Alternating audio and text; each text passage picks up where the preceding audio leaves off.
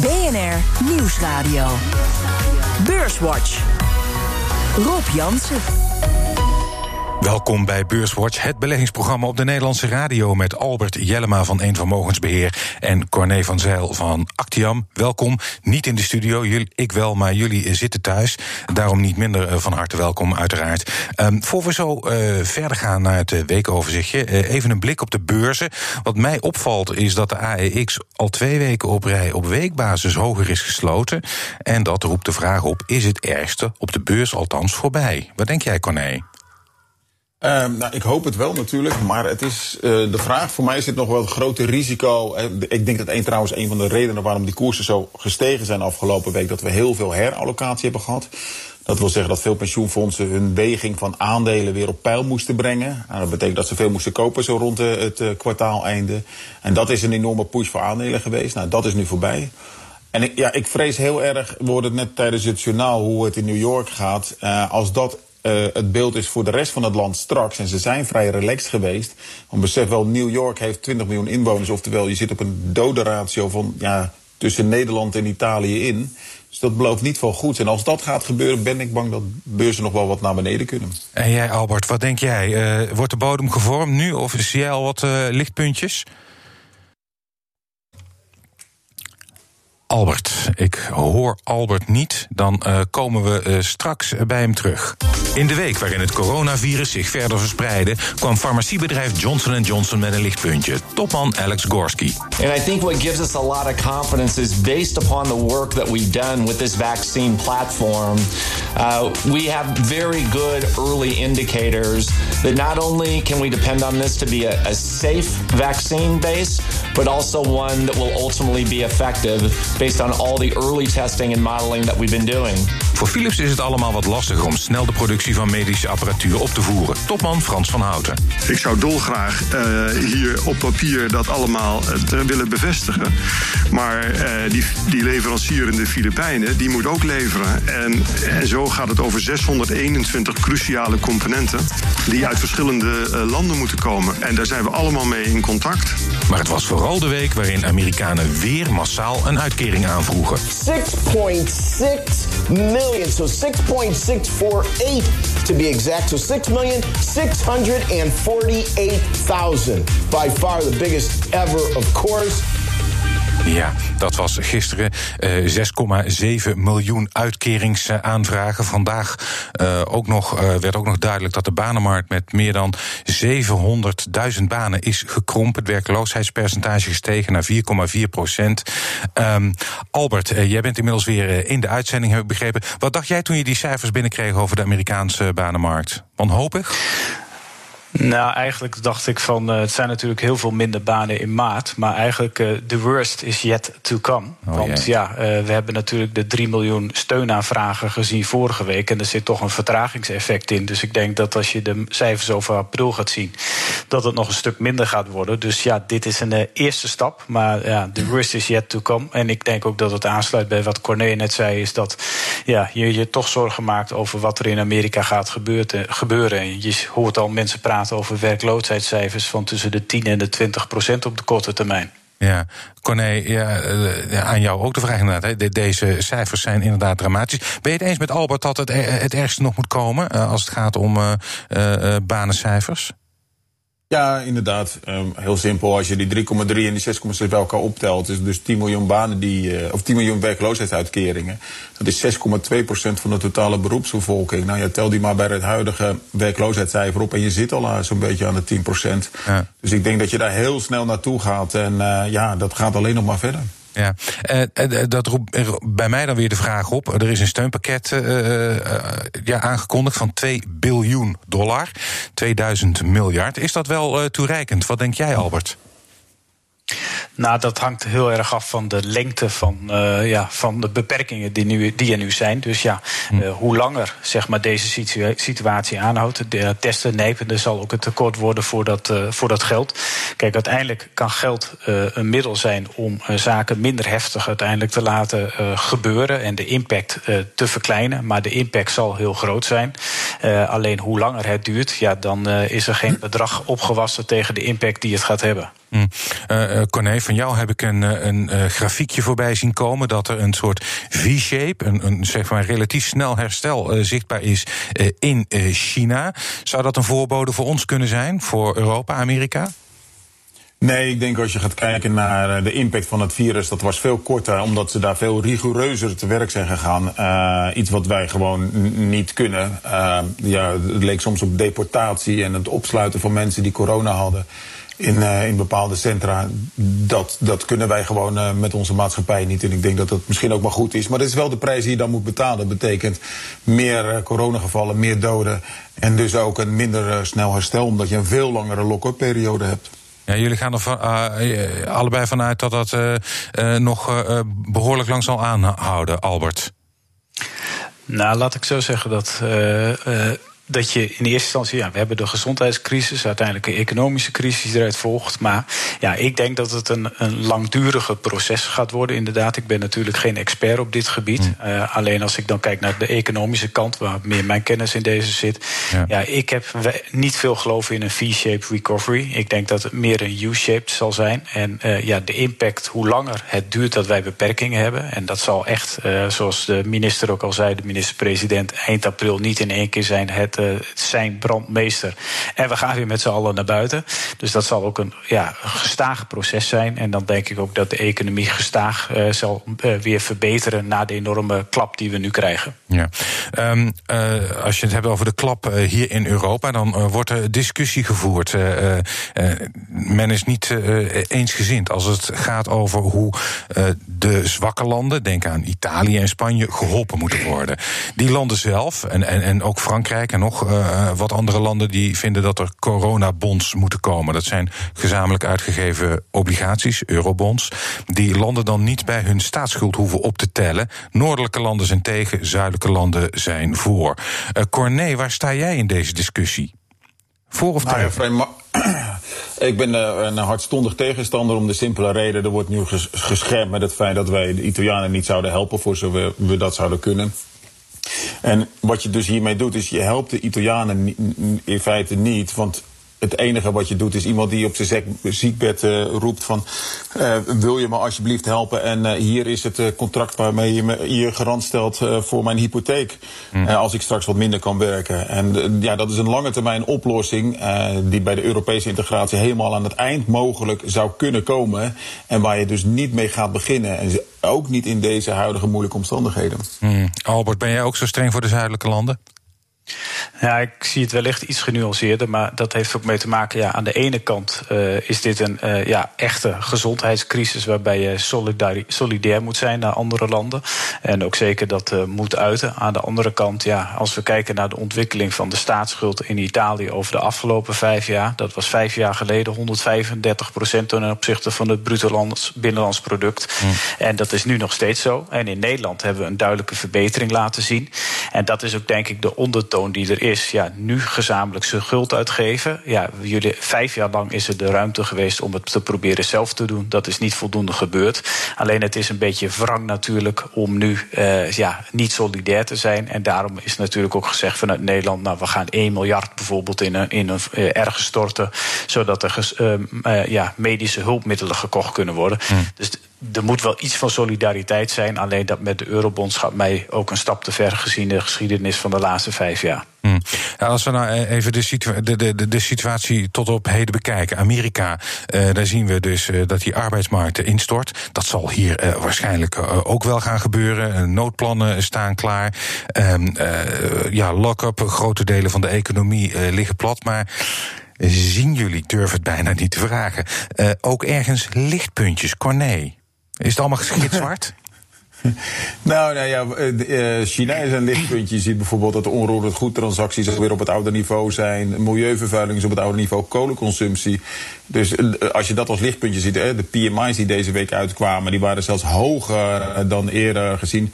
Hoewel ik het idee heb dat alle PMI's en ISM en wat voor enquêtes je het ook over hebt, tegenwoordig iets minder betrouwbaar zijn. Omdat er gewoon simpelweg minder mensen aan meedoen. Hm. Uh, maar daar zie ik dan wel wat lichtpuntjes. Alleen het probleem is daar wel weer waar, naar welk land moeten ze exporteren. Want overal gaat het door, deze, door dit coronavirus een stuk slechter. Ja, Albert, zie jij nog lichtpuntjes of. Uh Ook nou ja, kijk, op zich, we hebben, we hebben net alle borden langs de snelweg vervangen dat we 100 mogen rijden. Maar ja, gezien de hoeveelheid auto's die er nu rijden, kunnen we best wel weer met z'n allen nu 200 tijdelijk gaan rijden. Maar dat is een flauw grapje.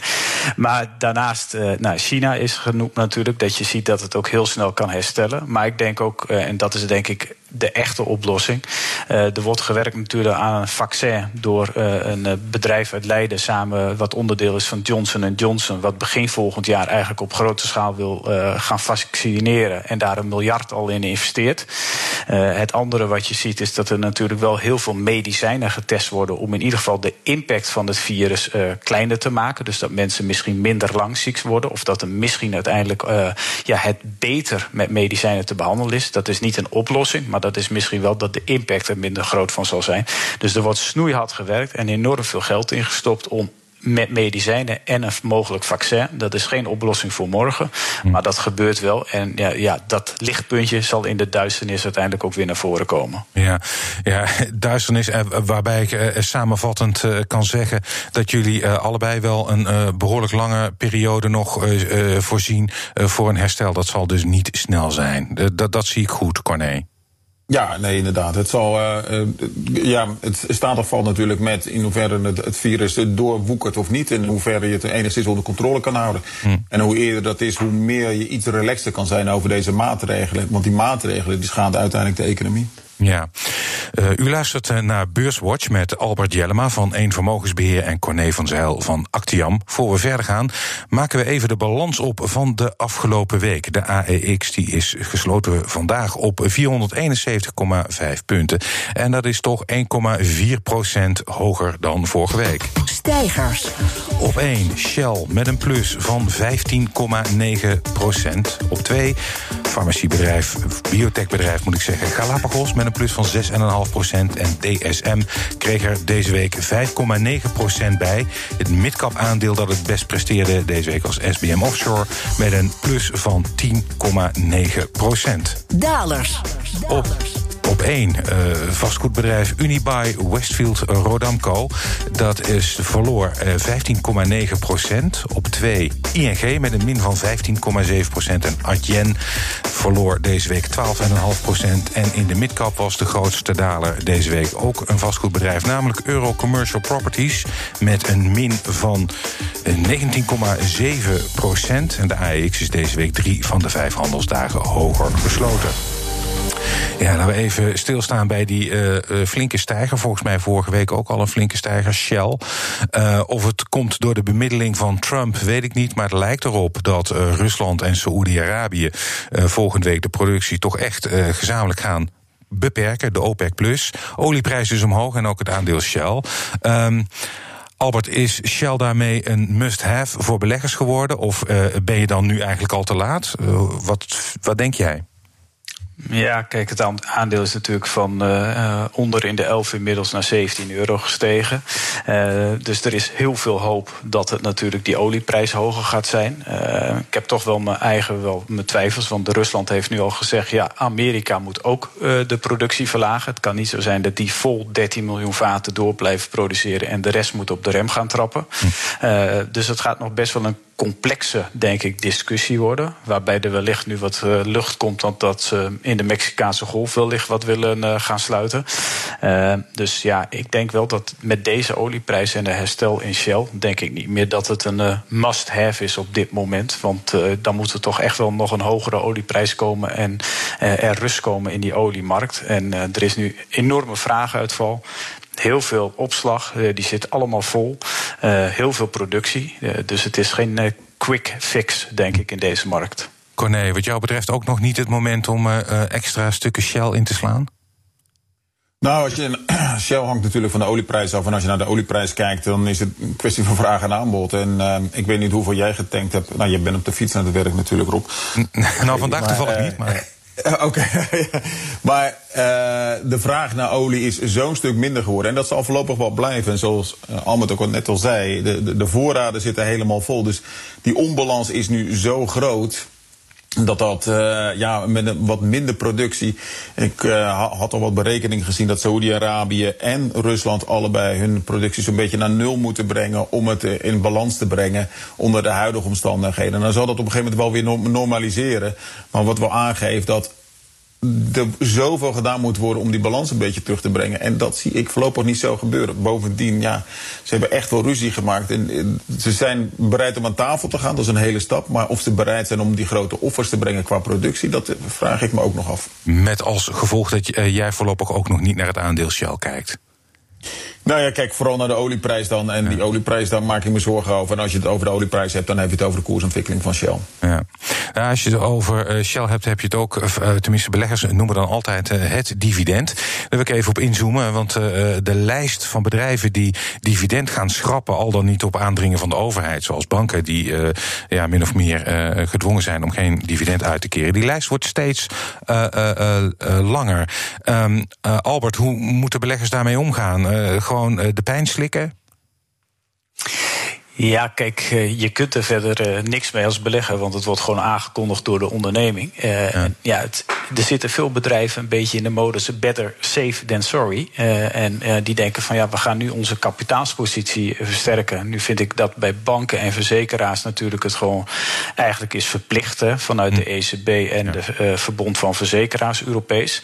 Ehm, ja, kijk, voor voor sommige bedrijven zal dit ook verstandig zijn, omdat ja, ook die bedrijven weten niet hoe lang dit gaat duren en hoe diep die impact gaat zijn. En die denken van ja, liever nu uh, meer cash op de bank. Uh, en ja, ze trekken ook alle kredietlijnen vol op dit moment. Uh, dus iedereen wil het geld op zijn bank hebben staan. En als belegger, ja, Eerst werd er heftig op gereageerd, maar ik denk dat het nu meer uh, standaard is geworden dat bedrijven hun slotdividend schrappen, uh, dan dat het nog als een enorme verrassing komt. Ja.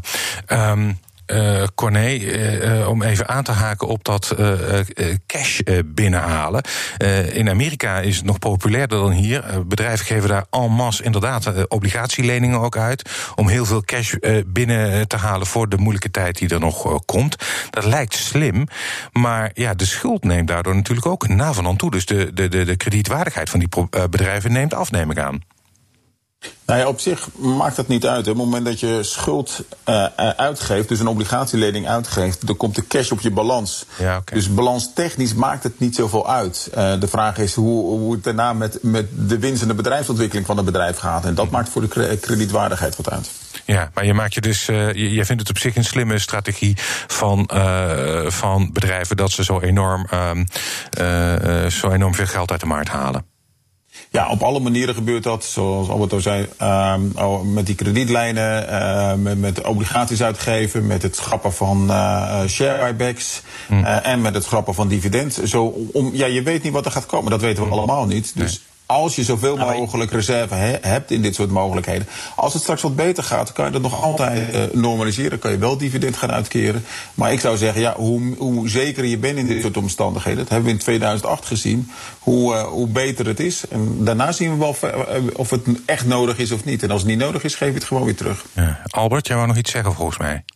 Ja, ik had al wel gelezen dat er wel, omdat je dat ook net vroeg van, dat er al wel heel veel uh, ja, bedrijven uh, zijn gedowngrade qua kredietwaardigheid. Mm -hmm. En dat raakte toch indirect, las ik bij een, uh, een fixed income specialist, 124 miljard aan schuld, wat nu in een ander vakje valt qua kredietwaardigheid. Mm -hmm. dus er vinden onderliggend wel grote verschuivingen plaats in deze, ja, in deze crisis. Ja.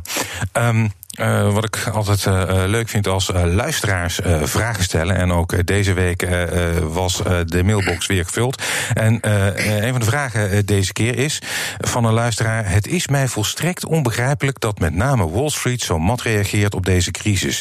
Nemen ze het niet serieus? Of heeft het met de toegezegde steun te maken? Of moeten er veel posities worden afgedekt? Corné, wat denk jij? Nou, ik moet zeggen, uh, ik maak wel zorgen over de Verenigde Staten. Maar als je naar de koersontwikkeling kijkt en je zit het allemaal eventjes in, in dezelfde valuta dan zijn eigenlijk alle grote uh, beurzen in, in, de wereld ongeveer met hetzelfde percentage gedaald. Of je nou naar de AX kijkt, de Stock 600 van in Europa of de S&P 500 of de, de, de topics in, uh, in Japan. Alleen China steekt er echt met kop en schouders uh, bovenuit. Daar lijkt eigenlijk niks aan de hand. Maar de rest van de beurzen wereldwijd zijn allemaal zo'n beetje even hard naar beneden gaan. Een paar procent meer of minder. Ja, ja. Albert, jij denkt dat ze het in Amerika ook niet minder serieus nemen dan hier?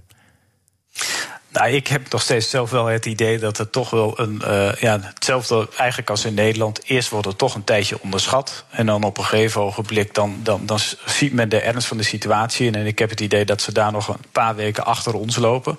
Uh, en wellicht dat in Amerika toch het feit is dat. Uh, ja, geld kan alles oplossen. het principe, bij wijze van spreken. Ja, er wordt zoveel geld natuurlijk beschikbaar gesteld. ja, zelfs met helikoptergeld. Ja. dat wellicht dat toch nog wel uh, ja, dat ze iets later zijn uh, dan ons in ieder geval qua hoe ze erin staan. Ja.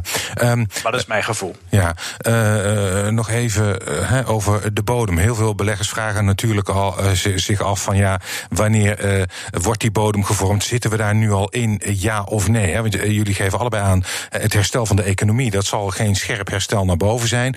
Maar dat kan voor de beurs heel anders zijn. Wat denk jij, Corné? Ja, beurs en economie lopen wel eens vaker uh, een, een, beetje uiteen. Soms loopt de een een beetje voor, soms loopt de ander wat voor. Uh, een oude beursheid van uh, Costellani.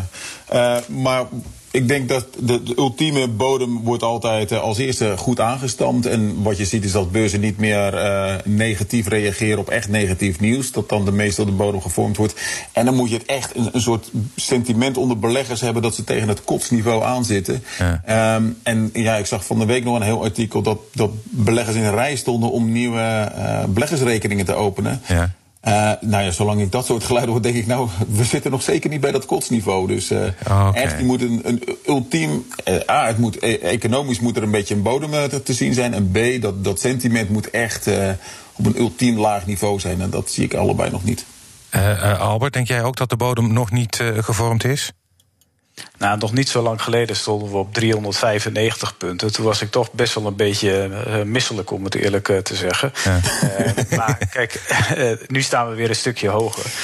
kijk, voor mij is het nog wel te, te, vroeg om echt het zijn brandmeester te geven. Alleen wat wij bijvoorbeeld ook bij één vermogensbeheer doen... is dat als mensen willen gaan beleggen... en ze hebben bij wijze van spreken 100 euro... ja, koop dan in stapjes van 20 euro in de komende twee maanden... of drie maanden of vier maanden koop aandelen. Want op de langere termijn is het absoluut uh, een interessant moment om te kopen.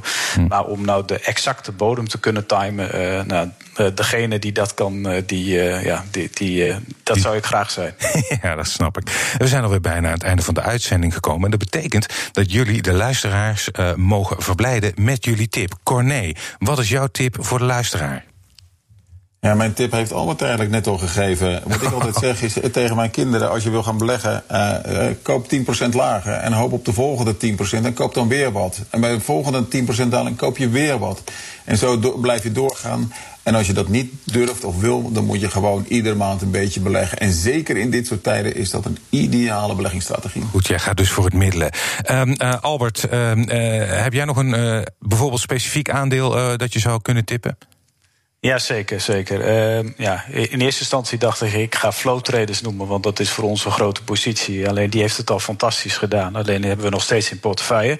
Dus ik dacht, ik ga eens een aandeel noemen wat helemaal niemand durft aan te raken op dit moment. Wat 63% is gedaald door deze crisis. Alleen als het weer terug zou gaan naar de oude niveaus, 165% kan stijgen. En ik vind het een fantastisch bedrijfsconcept. Uh, alleen ja, niemand durft het nu te kopen. En dat is het aandeel Basic Fit. Aha, kijk aan. Alleen, alleen hoe langer ze dicht blijven, uh, ja, dan kan de koers zeker nog lager. Alleen ik denk dat je op een termijn van drie tot vijf jaar kijkt, dat dit een uh, heel interessant aandeel is voor elke portefeuille.